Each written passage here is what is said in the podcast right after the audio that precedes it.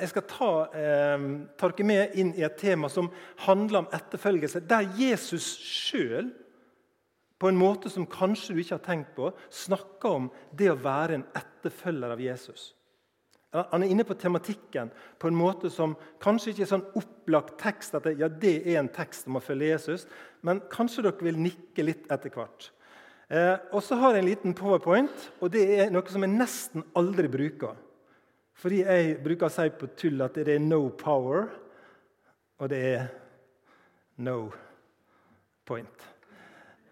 Men det er ikke helt sant. Det er Av og til greit å ha noe, men jeg har en bitte liten en i dag. Eh, og Jeg skal bare gi et nikk til, Sven, og det skal liksom skal ha opp et bilde. Og nå skal jeg ha opp det første bildet. Sven. Og Det er rett og slett et stort spørsmålstegn. Og Jeg skal stille et spørsmål i innledninga, og så skal vi liksom dvele rundt det. Eh, og det store spørsmålet er Hvor lenge har du tenkt å være kristen?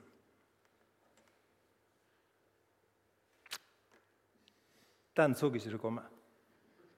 Hva er perspektivet på det å følge Jesus? Det å være en etterfølger av Jesus. Hvor lenge vil du fortsette? Og så tenker dere, Det spørsmålet er jo ikke bibelsk engang. Jo, faktisk stilte Jesus sjøl det spørsmålet en gang. På en litt annen måte. Og Det er der vi skal være litt i dag nå, og bruke en tekst som dere finner i Johannes 6, der sier Jesus noe akkurat om dette. Og Jeg tror vi skal snakke om noe som er viktig i forhold til å gi svar på det spørsmålet. Eh, og viktig i forhold til noen utfordringer som ligger nettopp i å være en Jesu etterfølger. Som Jesus viser oss og på en måte poengterer i den teksten der. Eh, du må vente litt, altså, du må vente på ordre. Sant? skjønner du? Du må vente på ordre med tanke på nye bilder. Sant? Jeg har bare fire, så du må spare litt på dem. Uh, I kapittel 6 i Johannes-evangeliet der står det sånn Etter dette drog mange av læresveinene hans seg unna og gikk ikke omkring med han lenger. Etter dette Dette er et ganske dramatisk bibelvers, syns de. Det er et dramatisk bibelvers at etter dette så slutter noen å være i lag med Jesus.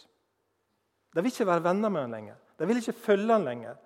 Eh, de ga opp. De avslutta prosjekt 'Følg Jesus'.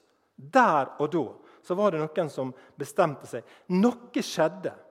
Og så var det noen som trekte seg ut av fellesskapet. Mange drog seg unna. Jeg synes at Ordet 'mange' er et vanskelig ord. For mange, hva er mange? Er det tre stykker, eller er det tusen stykker? Eller det var iallfall en del som trekte seg unna. De drar seg vekk, og de blir ikke værende sammen med Jesus lenger. En venn, jeg kaller han for Jon, og jeg snakket med han ganske nydelig. Nydelig. Nylig.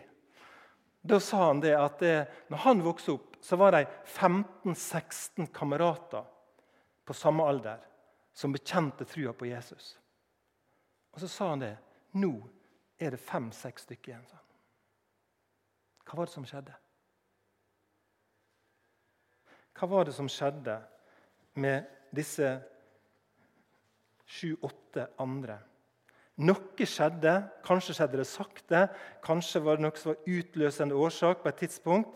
Jeg hørte referert fra tall i USA nylig på en undersøkelse som viser at sju av ti unge med kristen bakgrunn de slutter å oppsøke menighet og kristen forsamling når de kommer i slutten av tenåra.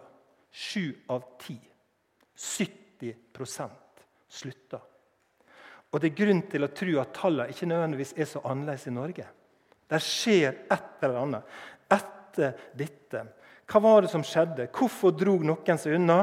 Hva var den utløsende årsaka til at det ikke bare noen, men mange drog seg unna? Sven, etter dette. Konteksten som vi bruker å snakke om på bibelskolen, er viktig. Eh, og Konteksten det er et ganske langt avsnitt i kapittel 6, som varer helt fra vers 22 og til og med vers 66. Og Det er et kjempelangt avsnitt. Det er sånn at Du puster tungt. Du tenker, skal, du lese, skal du virkelig lese over 40 vers nå? Jeg skal ikke gjøre det. Men konteksten dere, er viktig i Bibelen. Den nære konteksten og den fjerne, litt mer fjerne konteksten. Og den sier noe om hva etter dette var for noe. Hva var det som gjorde at noen gikk vi sier jo av og til hadde jeg bare levd når Jesus levde. sant? Det var ikke problem i det hele tatt. Hvis jeg kunne være med han, skulle jeg aldri tvilt. jeg skulle alltid følt. Det var faktisk ikke sånn da heller. Det var sånn at De som levde samtidig med Jesus, noen av dem, de forlot han. Konteksten er brødunderet, kapittel 6. Fem brød, to fisker, 5000 menn og tolv korger med brød. Det er liksom konteksten. Og det er 43 vers som ligger der imellom vers 66 og 22, eh, som gir grunnlag for å skjønne hvorfor de drog seg unna. Hvorfor de ikke ville være sammen med Jesus. Eh, og Jesus snakker i synagoga i Kapernaum akkurat her, og så kommer han inn på spørsmål som har med tru å gjøre. Eh, og så Litt senere dukker det første spørsmålet opp, og de stiller Jesus et spørsmål. Eller Jesus stiller et spørsmål der han sier 'Vil også det gå bort?' sier han. Og Det er da vi snakker om etterfølgelse. Det er da Jesus spør det som jeg stilte til å begynne med. Hvor lenge vil dere være kristne? Hvor lenge vil dere følge meg? Vil også det gå bort? sier han til de tolv. Hvor lenge vil du tro på Jesus? Folket som vi leser om, de kommer da etter hvert med en del spørsmål. Eh, hvis vi skal tro på deg, Jesus, da må det være sånn at du må gi oss en grunn som er verdt å følge deg. Du må komme opp med noe. Hva tegn gir du, Jesus, som gjør at vi skal følge deg? Hva vil du gjøre, Jesus? De prøver liksom å få Jesus til å selge seg selv om du vil, på en sånn måte at de vil kjøpe han og si det er verdt å følge. Du er verdt å følge. Vi blir værende sammen med deg. De vil på en måte bli overbevist. Så henter de fram et veldig kjent eksempel i denne teksten. Fra historia til jødene når de var i ødemarka. Og så sier de at fedrene våre Jesus, de åt manna i ørkenen. Og ingen av de som var til stede der da, eh, var usikre på hva det, hva det handla om da. Da visste de det med en gang. De skjønte hva det handla om. De refererer til eh, det som sto der, at brød fra himmelen ga han dem å ete. Og Her hadde Jesus fått noe å bryne seg på, tenkte de kanskje. Her skulle han konkurrere med noe som skjedde i historien. Og kunne han stille opp med noe som var bedre enn det? Kanskje de tenkte litt sånn. Og Da syns jeg det er litt artig å tenke. Følg med på den tanken. da. Nå er det et kronos, eller et kairos, i Jesus sitt liv. Et kairos i Jesus liv. Det er to brødre i den greske mytologien som heter Kronos og Kairos. Jeg har ikke hørt om dem. Men de to brødrene de eh, er et uttrykk for tid. Kronos, kronologi, det er liksom det, det som kommer. Og Kairos, hva er det? Det er øyeblikket. Der og da. Og Kairos i den greske det er, ikke, det er ikke så ofte kanskje de er på bedehuset, de greske mytologene. holdt jeg på å si. Men uansett, han er et poeng da, han Kairos har en sånn hårsveis som er litt populær nå. da. En sånn hårsveis der du er helt sånn glattbarbert i nakken, og så har du en sånn lang ser dere for dere? Lang i luggen og helt sånn barbert i nakken. Og Kairos har den hårsveisen, fordi når Kairos kommer, så må du gripe han i luggen for Hvis han går forbi, så får du ikke tak på han. Da er det bare en sånn glatt bak i nakken. Så du må ta han i øyeblikket. Og Her er et sånt kairos i Jesus sitt liv. Og Jeg liker tanken å tenke på dette. Dette her hadde Jesus venta på. Han hadde forberedt dette øyeblikket her når han skulle få spørsmålet om dette som handla med brødet og mannen i himmelen. Fordi han visste det, at han hadde noe med det å gjøre.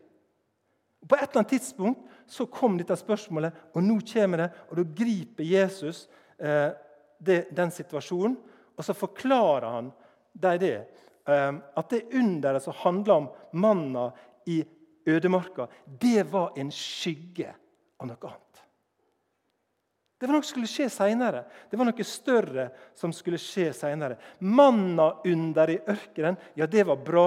Veldig bra. Under vandringa ga Gud ei manna, denne rimet som lå på marka, som vi kan lese om i 2. Mosebok 16. Om natta så la det seg et rimlag, og det var bra.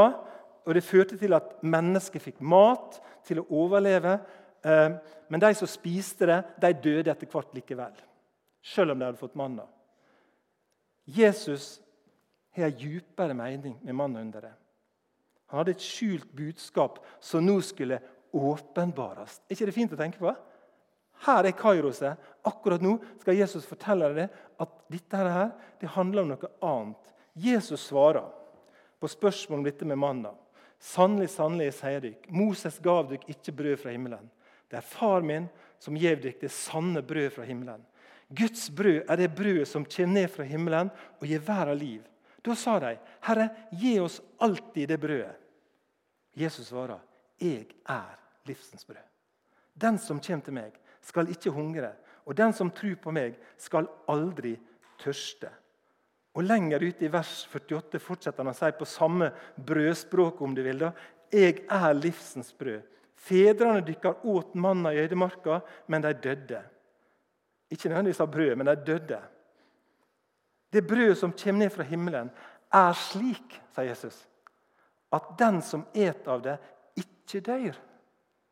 Jeg er det levende brødet som kom ned fra himmelen. Den som et dette brødet, skal leve til evig tid. Og det brødet jeg vil gi, er kroppen min, som jeg gir til liv for verden. Og det er da reaksjonene kommer. Nå har vi tatt en sånn liten, liten runde. Um, han sier at han er brødet som er kommet ned fra verden. Han sier at Gud er hans far. Han sier at de skal ete kroppen hans. Og Da er det at de opplever at dette er harde ord. Så I vers 60 i kapittel 6 her i Johannes så står det dette er harde ord. Hvem kan høre på slikt? Jesus visste med seg at læresvennene hans murra pga. dette. Og han sa til dem, 'Gjør dette at det faller ifra', sier han. Og Nå skal vi være våkne på noe som skjer. Fordi det som skjer, det er at Jesus taler noe til dem som de reagerer på. Eh, klimaet blir på en måte endra. Det begynner å koke litt i folka rundt. fordi det, det, var så hyggelig på mange måter, men så kommer Jesus med noe som han sier, som de reagerer på. Eh, og de sier dette er harde ord, dette kan vi ikke høre på. Og så sier Jesus er dette grunnen til at dere nå forlater meg. Er dette grunnen til at dere faller ifra? Og i en parentes sagt da, Frafallets mulighet er til stede ifølge Jesus. Det er mulig. Det er mulig å falle ifra, det er mulig å forlate. Spørsmålet om hvor lenge du har tenkt å være kristen eller være en etterfølger, er reelt. på en måte. Um, Gjør dette at dere faller ifra. Hvor lenge vil du være en etterfølger? Å forla, forlate Jesus eller å dra seg unna er en mulighet, faktisk. Og Det som fascinerer meg litt med Jesus, og som gjør at jeg blir så utrolig begeistra, er at han ikke er redd for å snakke om det. Det er av og til at jeg tenker at jeg må, jeg må skjule den muligheten for at noen kan finne på å forlate Jesus. De må ikke få vite om at det er mulig engang. Forstår du hva jeg mener da? Men Jesus er ikke redd for det. Fordi Han ønsker ikke å ha noen bunden, tvungen til å følge han. Og du sa jo ingenting om at jeg ikke kunne gå. Jo, han sier faktisk at det går an. Og du er fri til å gå. Det er noe forunderlig frigjørende i min tanke rundt Jesus. Jesus er åpen for at det er mulighet for å gå. For den som vil gå. Han er av natur sånn som faren i Lukas 15, som lar sønnen gå, enda han visste at det ikke var lurt. Det er et eller annet der som for meg vekker en sånn um, Jeg blir trygg på Jesus, på en måte. Fordi han, han har ikke noen hemmeligheter. Og så sier han ønsker dere å gå? Jesus han fristiller dem på en måte. Um, han slår ikke av på ordene. Han mildner ikke det han sier, for å på en måte unngå at folk går. Og Det er noe utrolig fascinerende. Um, I stedet for å slå av på de ordene som de oppfatter som harde, så høyner han budet, om du vil. Han er ikke skvetten. Altså Når du leser videre i, i det kapitlet, så er det akkurat som han høyner budet. Forsterker Jesus orda på en måte når han fortsetter i vers 62. Altså, Dere syns at dette er harde ord, sier han. Og så sier han, ja, hva da? Eller hva så, når det får se menneskesonen stige opp dit han var før? Og Da vet Jesus at nå er, nå er han i ferd med å, å, å lage kokepunktet enda høyere. sant? Altså, Dere reagerer på det jeg har sagt nå, men hva når dere får se at jeg drar opp til Gud? Og Det er jo en sånn provokasjon for, det, for jødene. å tenke at han skal opp til himmelen. Det var jo derfor nær sagt, de, de, de øverstepresten reiv synd kappa si når han prøvde å antyde det i Matteus 26, at han skulle til Gud. Eh, I sinne så, så sier han spotta Gud. Ja, hva, når jeg sier at jeg, skal tilbake til far? Han, han, han, er ganske frisk da, i måten han snakker om seg sjøl på. Jesus snakker ikke bare om, at, eh, om seg sjøl som brød som gir liv, men han skulle tilbake dit han kom ifra. Han vet at noen tenker at dette er harde ord. Han vet at noen trekker seg unna. Han vet at flokken vil minke. Det er ikke et sånn genitrekk hvis du skal tenke sånn, i forhold til menighetsvekst. det han gjør nå. Det er ikke det. Men han gjør det likevel. Han gjør det likevel.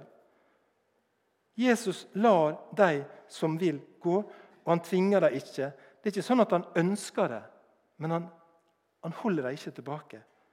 Det er noe ærlig over det. Etter dette, etter dette. Og Der skal jeg dvele litt etter dette. Det er det andre bildet. Det fins så mange etter dette. dere. Det er det jeg har lyst til vi skal snakke litt om nå. Som fører til at noen går. For noen er det ord. Det er de harde ordene. Det var det i teksten her. sant? Det var noen harde ord som førte til at noen gikk og sa dette kan vi ikke høre på. Hører vi ekko av det i vår tid? Hvis vi tenker oss litt om? Er ikke det noe av ekko i vår tid? Det Jesus står for, det Bibelen taler om. Hvem kan høre på sånt? Dette er harde ord. Hvem kan følge noe sånt? Dette er ekskluderende ord. Hvem kan høre på sånt? Jeg vet ikke om dere har tenkt på det, men til og med Johannes 3, 16, som er kanskje det kjæreste bibelverset vi har, blir av mennesket beskrevet og betegna som, som uh, harde og ekskluderende ord. Det er en barbarisk gud som ofrer sønnen sin. Hvem kan høre på sånt? Eller som snakker om at en ikke skal kunne gå fortapt. Ja, men Skal noen kunne gå fortapt? Skal noen være utafor? Utaforskap? Dette er harde ord. Hvem kan høre på sånt? Det som er det kjæreste for oss, det er blitt et problem på en sånn måte at folk sier dette kan jeg ikke være med på. Dette må jeg ta avstand fra. Dette er harde ord. Det som for oss er det kjæreste. Gud som ekskluderer. En Gud som fremmer utestenging. En Gud som fremmer avvisning. Hvem kan høre på det? Etter dette så var det noen som, som gikk. Eh, eller andre ord. Jeg synes Det er interessant å, å lese i Lukas 11, vers 43-45. Der sier Jesus følgende.: Ved dykk, fariseere, de elsker å sitte fremst i synagogene og vil gjerne at folk skal helse på dykk på torget. Ved dykk. Det ligner graver som ikke lenger er synlige. Folk går på dem og enser det ikke. Og da står det da tok en av de lovkunnige ord og sa, 'Meister, når du sier slikt, krenker du oss.' Har vi hørt det før? Du krenker oss med ordene dine. Etter dette, de harde ordene, hvem kan høre på slikt? Og Jeg sier ikke det at vi skal følge Jesus på den måten at vi skal søke å krenke mennesker. Men jeg tror med handa på hjertet det er umulig å tale som Guds ord uten at mennesker opplever det problematisk. Jeg tror det er mulig. Og hva jeg sier nå? Jesus, Jesus Kristus, som hadde evigheten å forberede seg på sammen med sin far, kunne ha litt sånn komitémøte og planlegge litt ja, hva skal jeg si da til, til, hva skal jeg si i den situasjonen der med dette brødet? Du vet, jeg skal, jeg skal jo, altså Når han forbereder seg til jorda, så, så, kan han diskutere med far. Vi må si det på en sånn måte at ingen reagerer. Sånn, far? Vi må gjøre det på en sånn måte at folk føler liksom at det, det, det er ikke noe problem. og ja, Det var noen fine ord. Nei, Hvordan skal vi få det til? da? Altså Selv ikke Jesus, som hadde evigheten og som visste hvordan mennesker reagerte, klarte å formulere seg på en sånn måte at mennesket ikke reagerte. Og For meg er det et trøst. Jeg sier ikke at jeg er glad for at det er sånn, men jeg tror det er sånn det er. Det er umulig å tale sannhet. Det er umulig å stå for noe. Det er umulig å være en Jesu etterfølger i dag uten å oppleve at mennesker vil reagere. Og Det stormer bare du har ei bitte lita setning på, på, på, Facebook eller et eller annet kommentarfelt, så hagler det inn 'Dette kan vi ikke høre på'. Og Jeg tror det er klin umulig å gjøre det uten at det skjer. Og Jesus opplevde det samme. Selv om han kunne ha fått ja, Han hadde den beste rådgiveren som fins. Er ikke dere enig i det? At Han kunne jo gjort det på en annen måte, men han gjorde ikke det. Han som er sannheten sjøl personifisert. Han gjorde det han gjorde. Frykta for å støte noen. Jeg tenker at vi skal tenke de tankene. Det var jo sagt litt om det i stad, Men jeg tror det er umulig å tale som Guds ord taler, og si det Jesus sier, eh, uten at det vil oppleves som krevende for noen. Etter dette, etter ord Så snakket vi i går om andre ting. Etter dette, Noen som har opplevd sår, noen som har opplevd misbruk, noen som har opplevd grenseoverskridende atferd i møte med mennesker, med ledere som har såra dem. Etter dette så er det noen som forlater trua pga. ting. Eller møte med livet. Eller møte med akademia, for den del. Etter dette, etter møtet med akademia, eh, så skjer det noe. Du kan jo ikke tro på dette her.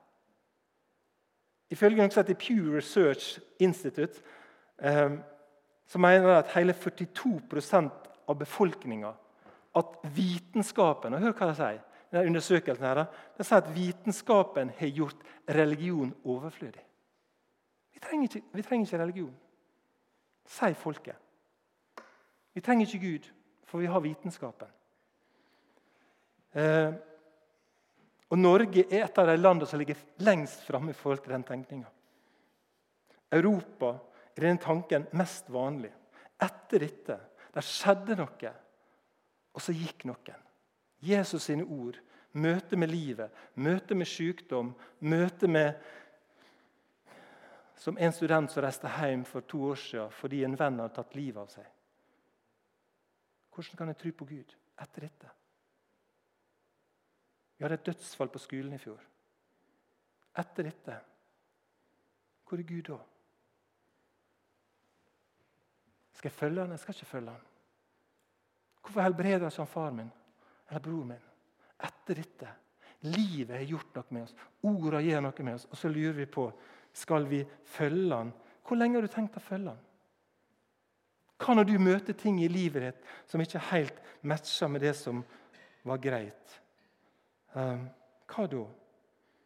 Hvordan ha ei tru dere i etterfølgelse som tåler som tåler det barske og brutale og det nakne og det sanne. Hvordan har det?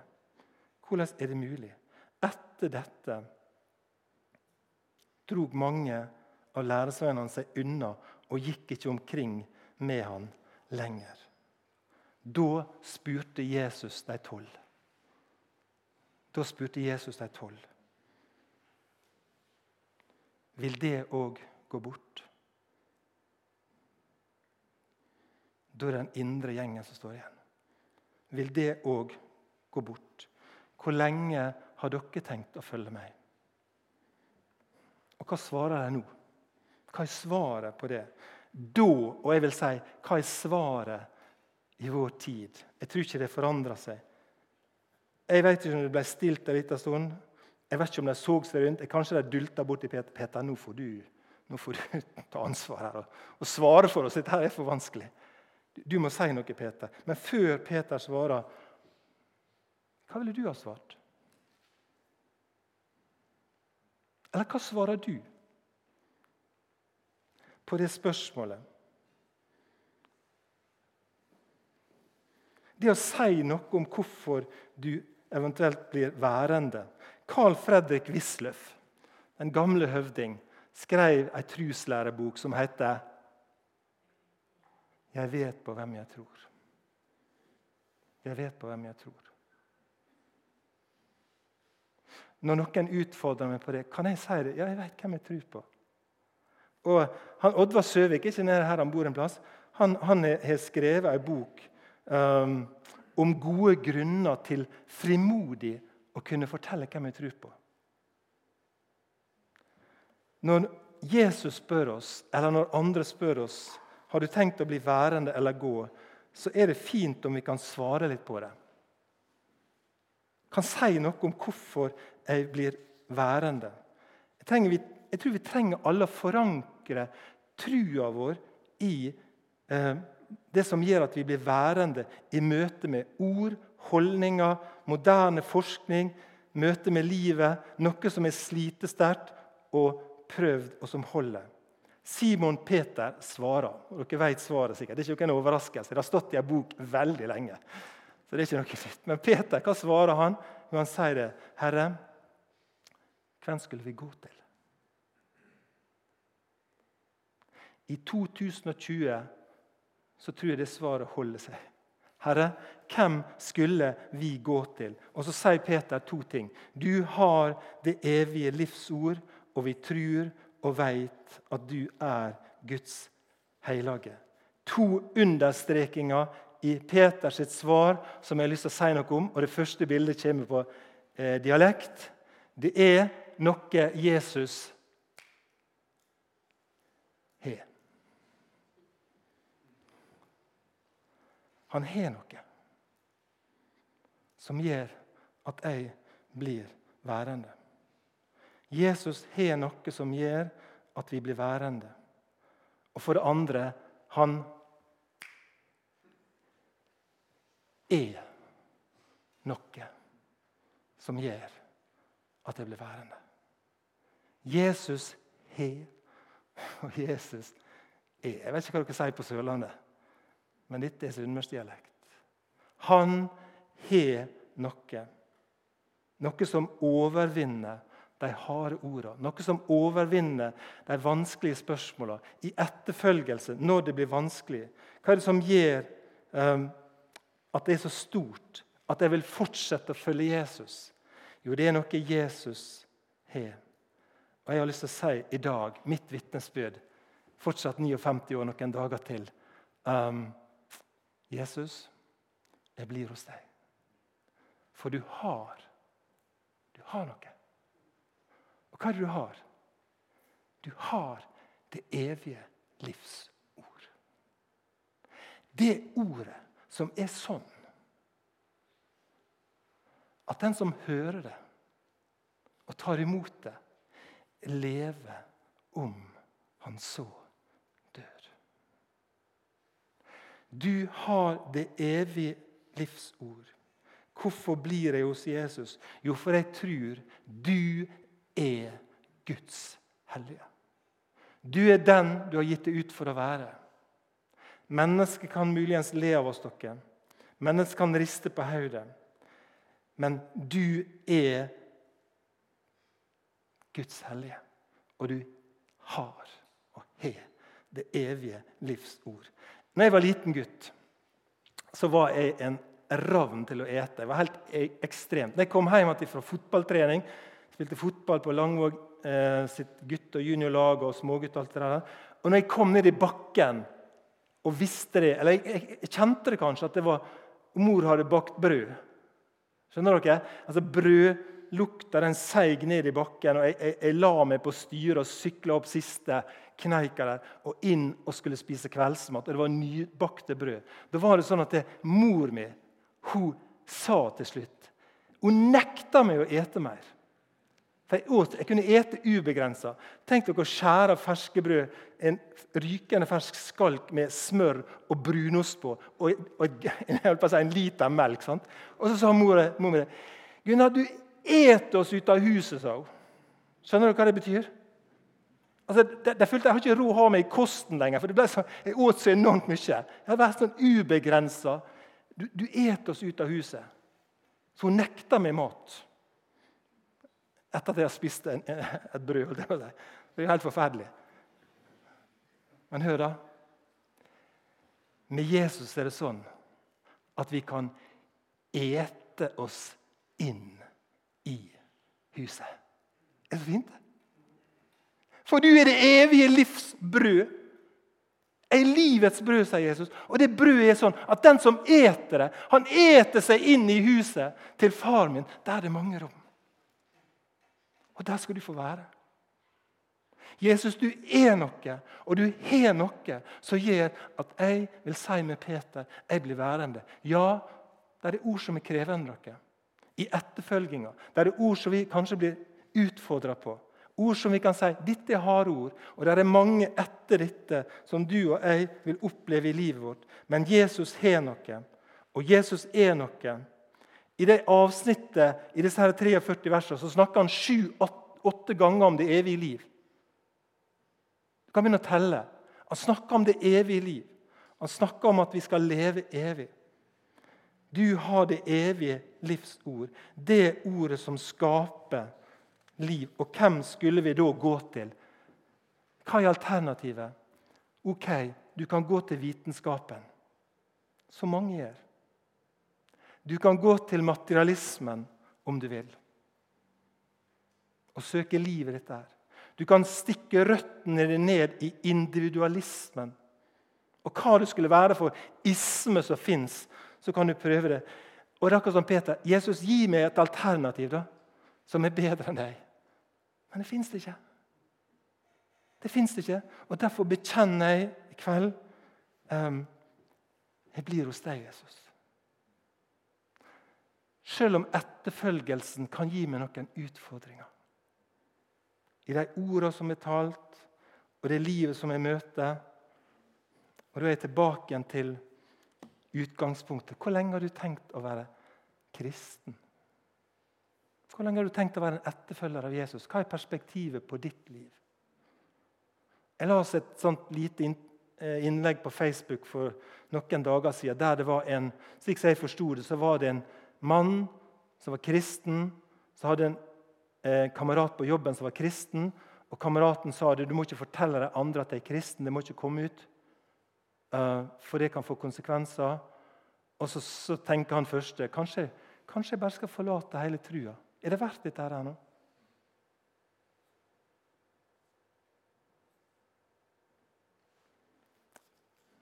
Vil også det gå bort? Mitt svar i dag er jeg blir. Eller kanskje jeg kan spørre et siste spørsmål. Hvor lenge har du tenkt å ikke være kristen? Hvis du er her som er på avstand fra trua. I dag kan det være ditt Kairos. Gripe anledninga, gripe muligheten. Og Jesus sier, 'Den som kommer til meg, skal jeg så visst ikke vise bort.' Der vil jeg være.